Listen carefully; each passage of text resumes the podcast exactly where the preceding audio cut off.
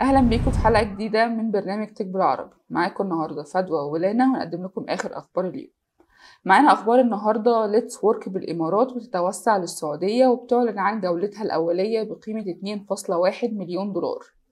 مؤسس عملة تيرا المنهارة بقيمة 40 مليار دولار بيهرب لصربيا. جاستيول المغربية للتجارة الإلكترونية بتحصد 350 ألف دولار. وانطلاق المستكشف راشد نحو نحو القمر في رحلة بتستغرق خمس أشهر. أول خبر معانا Letswork بالإمارات وبتتوسع للسعودية. تم الإعلان عن الخبر في Step السعودية المقام في الفترة من 12 ل 13 ديسمبر في مركز الأرينا بالرياض. بيضم المؤتمر مؤسسين وقادة وخبراء بارزين عبر خمس مسارات بتغطي أحدث اتجاهات ريادة الأعمال من صانعي التغيير للاكتتابات العامة. والتكنولوجيا المالية والرفاهية والتسويق الرقمي والعلامات التجارية وأحدث تقنيات المستقبل.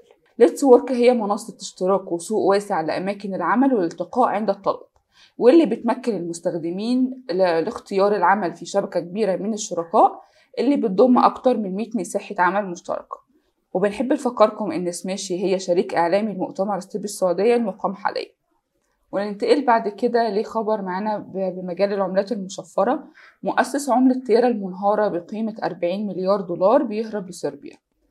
أعلنت سلطات كوريا الجنوبية إن دو كوون بيختبئ حاليا في صربيا مما دفع مكتب المدعي العام لمنطقة سيول الجنوبية للعمل مع صربيا لاعتقاله.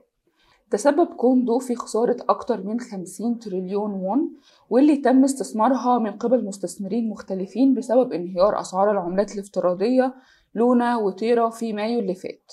والخبر التاني معانا في مجال الشركات الناشئة شركة جاستيول المغربية للتجارة الإلكترونية تحصد 350 ألف دولار. الشركة هي سوق للأزياء في المغرب جمعت التمويل الأولي بقيمة 350 ألف دولار من إيرن روكيت Investment Holding واتأسست الشركة في عام 2022 وبتركز على دمج العلامات التجارية التركية في السوق المغربية.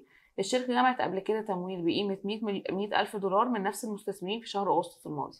الخبر الرابع والأخير معانا من الإمارات انطلاق المستكشف راشد نحو القمر في رحلة تستغرق خمسة أشهر.